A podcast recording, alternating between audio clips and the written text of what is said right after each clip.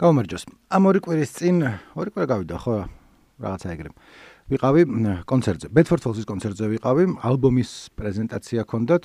შეიძლება მეტი დრო გავი, რა მნიშვნელობა აქვს, ნუ ორი კვირა ვთქვა. აა ვიდრე ევროპულ ტურნეში წავიდოდნენ Coca-Cola-ის ქარხანის ტერიტორიაზე, არ ვიცი რა ქვია. ადგილს. მაგრამ კაი დიდი ადგილია, სავსე იყო ხალხით, ძალიან კაი კონცერტი იყო, ძალიან გამისწორდა და იქ რო ვიდექი მივხვდი, რომ ცოტა ისე ვიყავი, ანუ ამაყი ვიყავი. არა მარტო იმიტომ, რომ კონცერტი მომეწონა, ანუ ბაზარი მესი ამონა. კარგი იყო, მაგრამ გავერთე, მაგრამ ადგილზე რომ სხვანაირად გულშემატკივრობდი კიდე Bedford Falls, აი ზოგისთვის ხვიჩაკვარაც ხელია რო არის, რო აი რაც მაგის ხათრით უყურებენ, მეც ესე ვიყავი, რომ მეთქე ნახე რა კაია, რომ ამდენი ხალხი მოვიდა, როგორ ასწორებს, რომ კარგად ჩაიარა კონცერტმა, ხმა ნორმალურად იყო. ბიჭო, ის იყო ორი კვირი, მაი მანამდე ერთი რამდენიმე დღით ადრე დადებული სიმღერები იყო, რომელსაც დარბაზი მღეროდა, რომ დაიწყეს ეს all my friends are junkies და ყველა აყვახა გარშემო ხალხმა ტექსტი იცოდა უკვე. და მეთქი აუ რა მაგარია. და მე ვფიქრობ რომ ის ჩავწერ მეთქი პოდკასტს ამასთან დაკავშირებით და არ ვიცი ამას რა ქვია, ახლა რასაც ვაკეთებ, შეიძლება ეს არის ალბომის რეცენზია არ არის, მაგრამ მოკლედ ალბომი გამოვიდა, ქვია მიენდე და რაღაცნაირად დაულაგებლად მოგაწვდით აზრებს ამასთან დაკავშირებით და მე დავიშლებით. ეს არის გეგმა. არ ნიკო ნერგაძე, თქვენ უსმენთ ნიკოს პოდკასტს.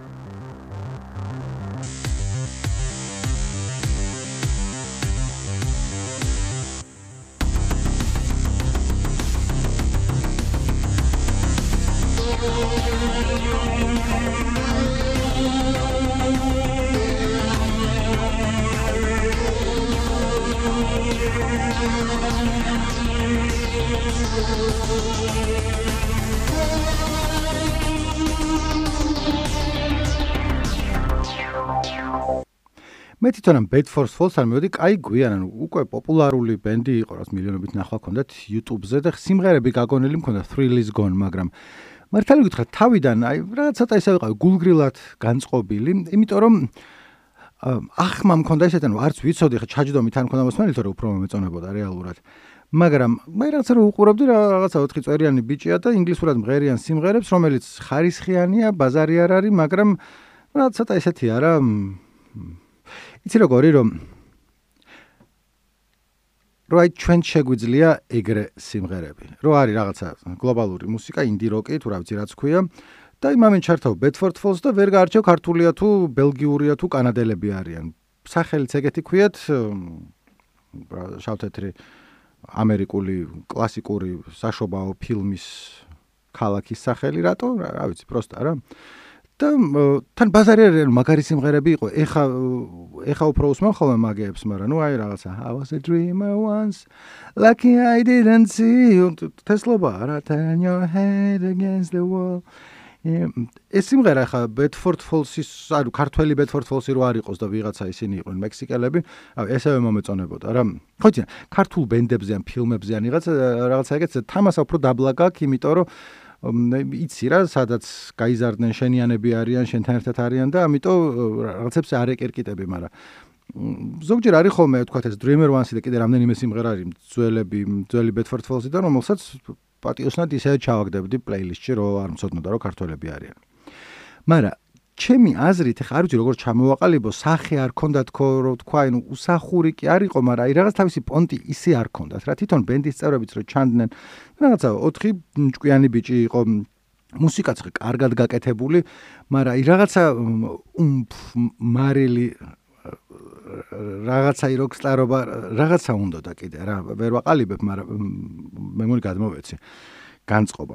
და ნელ-ნელა ეგ პონტი შეიცვალა ან შეიძლება მე შემეცვალა და მაგრამ დარწმუნებული მარტო მე არა ვარ ეგრე, იმიტომ რომ აი პანდემიის დროს რო დაიწყეს სიმღერების ჩაწერა და თვითონაც ახლა ეგრე ამბობდნენ და ჩემცაც ეგრეა რომ Macedonia bam bapararan am bam tears ejecting აი მაგ პერიოდიდან ახალ საფეხურზე გადავიდა ჩემი აზრით Bedford Falls-ი. თვითონ მუსიკალურად პირადად დათოც როგორც წერდა სიმღერებს. თან აი რაღაცნაირად უფრო უფრო როკსტარი ბენდი გახდა, უფრო ღრმა, უფრო საინტერესო და თავისი რაღაცა ძალიან ისეთ სახე შეიძინა. ანუ ისე იყო რომ მანამდე ხო ქონდა რომ აი ჩვენ შეგვილია ეგრე.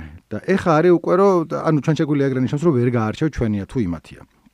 ეხა არის პირიქით რომ არაფერში არ აგერევა. ჩვენიც არის, იმათიც არის, ანუ ჩვენა იმათი იგულისხმება, თუნდაც ინგლისურად იმღერებენ, თუნდაც ქართულად იმღერებენ, თუნდაც აურევენ ერთმანეთში, მაგრამ აი ვაფშე თავისი პონტი გაუჩნდათ. მე მგონი მას შემდეგ რაც ქართული უფრო დიდი დოზებით შემოიტანეს და ზოგი სიმღერა ქართულ ინგლისურია, ზოგი მარტო ქართულია, ზოგი მარტო ინგლისურია.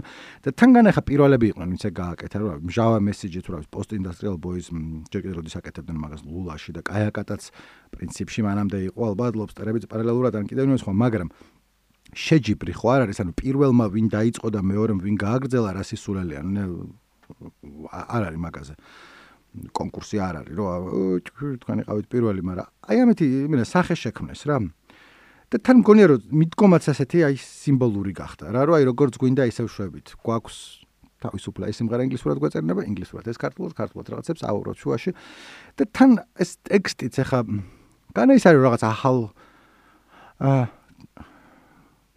მოკლედ ვის თქმა მინდოდა ყოველთვის აზრიანი კი არ არის ეს ტექსტი და არც არის აუცილებელი რომ იყოს მაგრამ აი თავიდან მგონია რომ უფრო მიეპარნენ ქართულს რომ აი რაღაცა რა ქვია მე ვარ შენ გილგანში მოლაპარაკელეში კოლგა კაპებულტ კეში თუ ჩემი ალტაბალთა ლოცვა აგათ კიებს თავს დაი კიდე დაგიწერ კიდე სხვა ლოცვას. აზრი არის ამაში შეიძლება არის ჩადებული მაგრამ ჩემთან არ მოაქვს მაინდა მაინც მაგრამ არც არის საჭირო საერთოდ აუცილებელი არ არის რომ ყველა სიმღერა ამბავს არ ყვება baby რა. Some are just feelings you know. ბრალთ ლამაზე ბგერებია და უნდა აყვე. და მე თან ამაზეც ტექსტებს ნელა დაიხვეწნენ და ზოგანისია ზოგანისიან როგორც უსწორდებათ.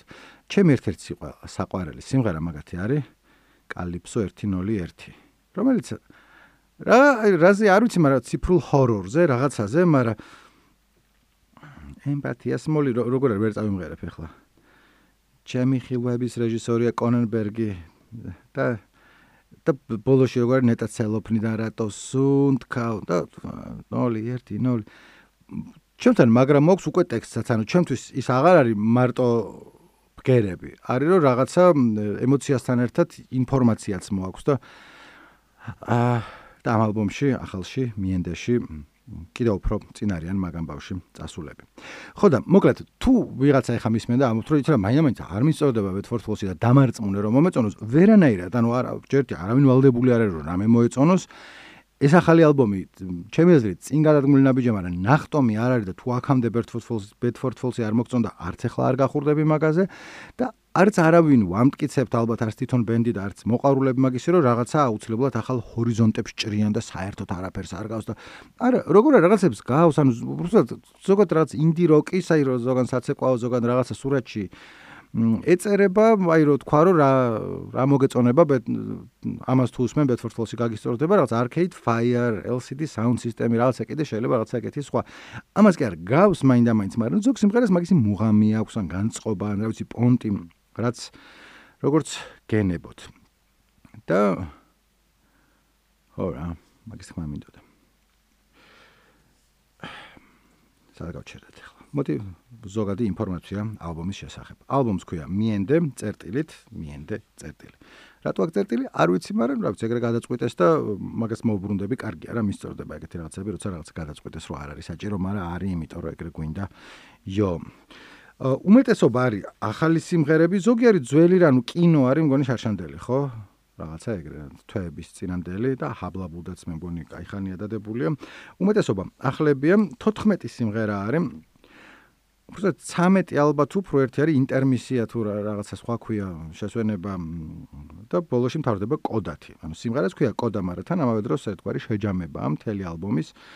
ეხლა ეს ფაქტების ჩამოსი ვიკიპედიის რაღაც ამბავს კი არ გიყვებით, არამედ მნიშვნელოვანია, იმიტომ რომ ხაზი უნდა გავუსვათ, რომ არის ძალიან ამბიციური ალბომი. რაღაცნაირი განაცხადია. თითქმის 1 საათია, 55 წუთია თუ რაღაცა ეგეთი, რაც ეს არის ბევრია რა, როგორც წესი ბენდების კლუბენ რო ეს ცოტა ცხიმი აათალონ ნაკლების დატოვონ და თქვათ იყოს რაღაცა ნახევარ საათი ცოტა მეტი цаრიელი ყველანი ბენგერები. ეს არ არის თლათ ეგრე, ანუ ცოტა მიედმოედება ალბომი, მაგრამ აა რამე ამართლებს ამ ამბიციას მე თუ მკითხავ მეტწილად კი აი რომ კონდეს რაღაცა ნიშანი დასაწერი აუცილებლად რაც ქულებს რო წერენ ხოლმე ალბათ დავწერდი 8-10-დან ისიც ახლა ნახე აი არ ამგონია რომ რამე სერიოზული ჩავარდნა იყოს ალბომში რომ ფუ ეს აქ რატოა და ღმერთო ეს რატო ჩასვეს არ არის ეგრე. მაგრამ კიდევ ერთხელ ცოტა რაღაცა დაბატარავება მოუხდება. აი 40 წუთი რო იყოს 45 ეგრე. და დანარჩენები ვთქვათ რაღაცა ბონუს ტრეკები ან extended edition-ი თავისუფლად მოუხდებოდა ეგა. ხა რომ გითხო რომელს ამოვიღებდი, არ ვიცი, მაინც არც ერთი არ მემეტება, მაგრამ რა თუ მაინც რაც Sugar Flake Days შეიძლება ან Real Boys არ გავგიჟდიან ფანტა, მაგრამ ნუ არც ერთი აქეთ ახლა ცუდი სიმღერა არ არის რა. მაგრამ ნახე ხარა შეასაქმე, ამას კი ვამბობ, მაგრამ მეორე მხრივ ისიც მომწონს, აი როგორც იდეა, რომ რო აი ამ ხელა ტიპია რა, აი 1 საათია და საქშესვენება აქვს შუაში და ბოლოში კოდა, ცოტა არის თავხედობაა რა. თავზე გადაჭმა თუ გნებავთ, მაგრამ აი კაი ამბავში ასწორებს. თესლობაა ჩემი აზრით, როცა ბენდი ამბობს, რომ იცი რა, აი ამდენი მასალა მაქვს, თან იმის კვალობაზე, რომ ხა Bedford Falls-ეს ბოლო რამდენიმე წელი არ გაჩერებულა, ანუ სულ რაღაც ალბომებს ალბომს კი არ და სიმღერებს დებენ, ზოგი EP-ში შედის, ზოგი ცალკე არის. რა რა ორი წლის წინანდელია ხო აი და ხო რომელიც ძალიან ბევრს ასაბე კონცერტზე რო დაუკრას უ ყველა იყო გაგიჟებული. რა რამდენიმე თვეში ერთხელ კაი სიმღერას დებენ. და აი ეს სიმღერაც ეს ალბომიც ჩემთვის ეგ არის როცა თქვი რა ჩემი აზრით დიდი ნახტომი წინ არ არის მეთქი არ არის ნახტომი ან წინ გადადგმული ნაბიჯი უფრო იცი რა არის რომ იმის დამტკიცებაა რომ ეს არის ბენდი რომელიც არის ინგლისური რო შეაურიოთ ჩვენს in the zone. რამდენიმე წელი არის in the zone და არ გამოდის ამ zone-დან და მაგისი უბრალოდ კიდე ერთი დასტურია რომ კლასს არაგდებენ რომ ყოველ ჯერზე ცოტა უკეთესია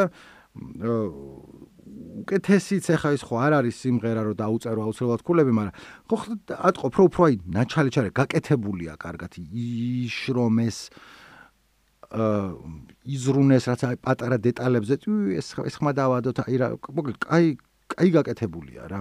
ეხლა სიმღერას გავუშვებ, იმიტომ რომ დავიღალე. ლაპარაკით და თან ძალიან ბევრი სათქმელიც არა, მაგრამ ჩამოწ სხვა დროს უფრო მომზადებული მოვდივარ ხოლმე და ეხლა ორი კვირა რო არ ჩამიწერია პოდკასტი მეთქი აი რაღაცას ვილაპარაკებ ბიჭებზე რაც მომადგება იმიტომ რომ აი რაღაც რეცენზიის დაწერაც არ მინდოდა იმიტომ რომ არ არ მიმაჩნია ხოლმე თავი კომპეტენტურად რომ სათავ ჩამოვყე რომ ეს სიმღერა ეს რა 14-ვე განვიხილო არ არ. თორე ერთ ერთს გავუშვებ რომელიც შერეულ გზნობებს იწვევს ჩემში და აბა ერთად გავიაროთ. ამას ქვია რავიგატორი. შუამდე მოგასმენებ და მოდი მე ერთად ისაქმეთ killing this.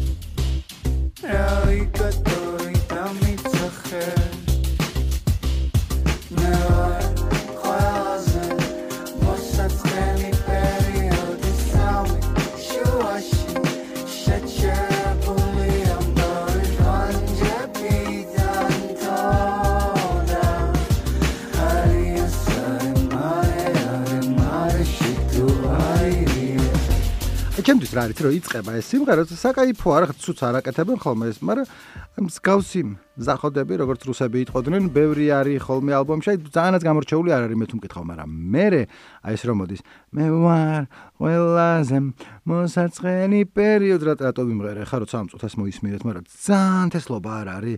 და ჩემთვის აი Bedford Falls-ი გახდა ეგეთი ბენდი, რომ დაამუღამეს აი მომენტების შექმნა, რომ მიდის სიმღერა, რა ზა ნორმალურად არის და უცებ ან გადასვლა არის რაღაცა ან პრეკორუსი თუ რა, რავი, რაღაცა ელემენტები, არ ვიცი მაგათ სახელები, რა ქვია, მაგრამ აი რო არის სიმღერა და მე უცებ აქვს აი რაღაცა მომენტი რომელსაც ამ რო ვაუ რა მაგარია თან დანჩენც არ არის ცუდი მაგრამ ხანდახან მაგითო თქვი რომ შერეული გზნობები მაქვს მეთქი ამ სიმღერასთან დაკავშირებით რომ იწება ისა რომ ოკეი მიდის დავაი ბაზარი არ არის ცოტა მკიდია მაგრამ იყოს და მე ეს მე აუ ეგ ძალიან მომწონს და ტექსტიც რომ ამბობდი აი ხო ზოგი არის просто, რა ვიცი, ალიტერაცია მოცვის ლოცვაცა ზეცის გარს გადაგიფურცლავს. ცების ხათრით არის, თუ რა ქვია, არ ვიცი, არის მოცვის მოცვის ლოცვა და ასე და თომარიც ის ალბათ. მაგრამ მე რექვე მოტყება რომ იტყვი რამჟავია ზღვა, რამწარი ამზე და მე უბრალოდ გერებიც არ არის, აი რაღაცა ამჟავია ზღვა, რაღაც დაგაფიქრებს. კიდევ ერთხელ არ არის ვალდებულება არ აქვს, დაგაფიქროს რამეზე, მაგრამ ნუ შვება რა. ან ზოგი კიდე რაღაცა მოდი ერთ სიმღერასაც მოგასმევთ. ბაი, რომლებიც მომწონს გავუშვებ რა. ანუ ბევრი მომწონს ახლა, მაგრამ აი ეხლა რაც ჩამოვწერე რომ მეთქე თუ არა გაქვთ მოსმენელი ესენი ესენი ჩაიწერე თქვა ნებისმიერი ქვია სიმღერას და ესეც იწება და მე ეს ნებისმიერ კალაქს ნებისმიერ ცათამჯენს ნაცარტუტება თუ აქცევ და უცებ აი გძნობ შენს მაგას რა აი ხასიათზე რო ხარ რო დავაი მოვდივარ და დაგხოცავთ გოჭებივით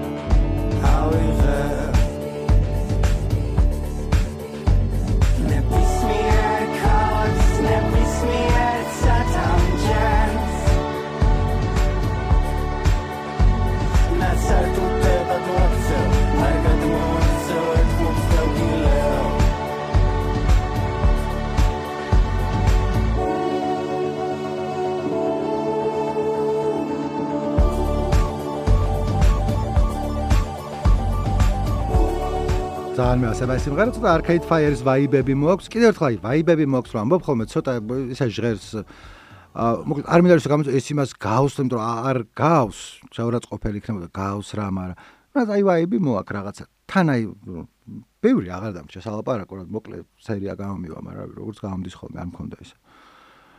აა გეგმა ჩამოწერილი მაგრამ ისე კონცერტს რომ მოუბრუნდეთ, ხო? ბენდი არის, რომელიც რა 4ჯერ თუ 5ჯერ მყავს კონცერტში ნანახი, მაქვს მათი კონცერტი ნანახი.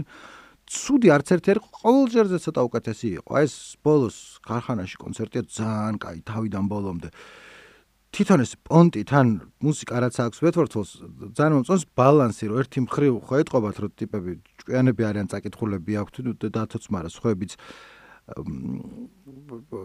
რაღაც ალუზიები მთელი ამბავი, მაგრამ ამავე დროს აი იუმორის სერიოზული ზოლი ეტყობა ხოლმე თვითირონიის შეიძლება რომ თან თავის თავზეც кайფობენ, მაგრამ თან ისე კი არა რომ რაღაცაა როცა სცენაზე დგანან, დგანან სცენაზე. როკსტარები არიან, იფერებენ ბოლომდე და ეგრეთ უნდა შვებოდნენ, იმიტომ რომ რა ვიცი, სწორია.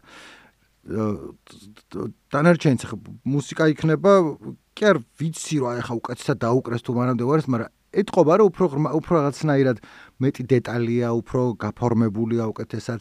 დათოც როცა მღერის ხან რაღაცა ერთი ხმით მღერით, ხან მეორესი და ზოგი აქ ხოლმე კოდაში აქთან ფალცეტი თუ რაღაცნაირი წეს დიდეში სასაცილო იყოს, მაგრამ არ არის უხდება რა, იმიტომ რომ გაბედული ნაბიჯია ეგეც მომღერლის მხრიდან, რომ რაღაცა ესეთი ხმა გააკეთოს და ძალიან კაი იყოს. ხო და რა ვიცი რა, ჩემთვის ეს არის მაგის თქმა მინდოდა რომ ბედფორდ ფოლსი ასწორებს უკვე დიდი ხანია ასწორებს ყოველ ჯერზე. უფრო და უფრო წინ მიდიან ძმები, შეიძლება ძალიან ნახტომით არა, მაგრამ რაღა უნდა გადახდნენ მეტი, ანუ ვართ ზონაში და ვაგრძელებთ ზონაში ყოფნას. დიდი მადლობა მათ ამისთვის. იცი რა ერთად სხვაებს წარი ხოლმე რო ფიქრობ, რომ აი ეს ევროპული ტურნე და ევროპა როგორ მიიღებს და რაღაცა და შემთხვევაში მაგარი მაგარი მკიდია. ჯერჯერობით ალბათ ძალიანაც კარგად მიიღეს, მაგრამ აღარ არის საჭირო იმათი დაფასება, რომ იმათ გითხრან, რომ ჩვენაც მოგწონს კარგია. სავსე სავსე კონცერტი, სავსე დარბაზი კონცერტზე. ნახვები არიკლებს. და აი სიმღერა იყო რომ დაიწყო და რა ვიცი ერთ კვირის დადებული ქონდა და ყველა მიცოდა. ცოტა შეიძლება იმიტომ რომ მელოდია სხვა სიმღერიდან აქვს თან თავისივე სიმღერიდან გადმოკეთებული, მაგრამ თან სწორად მოიქცნენ აქ უფრო აქ უფრო კარგად არის. აი დაგემშვიდობებით, ხო, მეტი არაფერს თქმა არ მინდოდა. მადლობა რომ გვისმინეთ. ალბომს მოусმინეთ თავიდან ბოლომდე. იმენა ძალიან კაი ალბომია და თუ რაღაცა სიმღერაზე მე სხვა აზრი მქონდა და თქვენ სხვა გექნებათ, კომენტარებში გამოხატეთ ეგ აზრი. არანვალდებული არ არის რომ ერთ აზრზე იყოს ცხოვრებაში. წავედი მე ხა. think I discuss this. But all my words just fade away.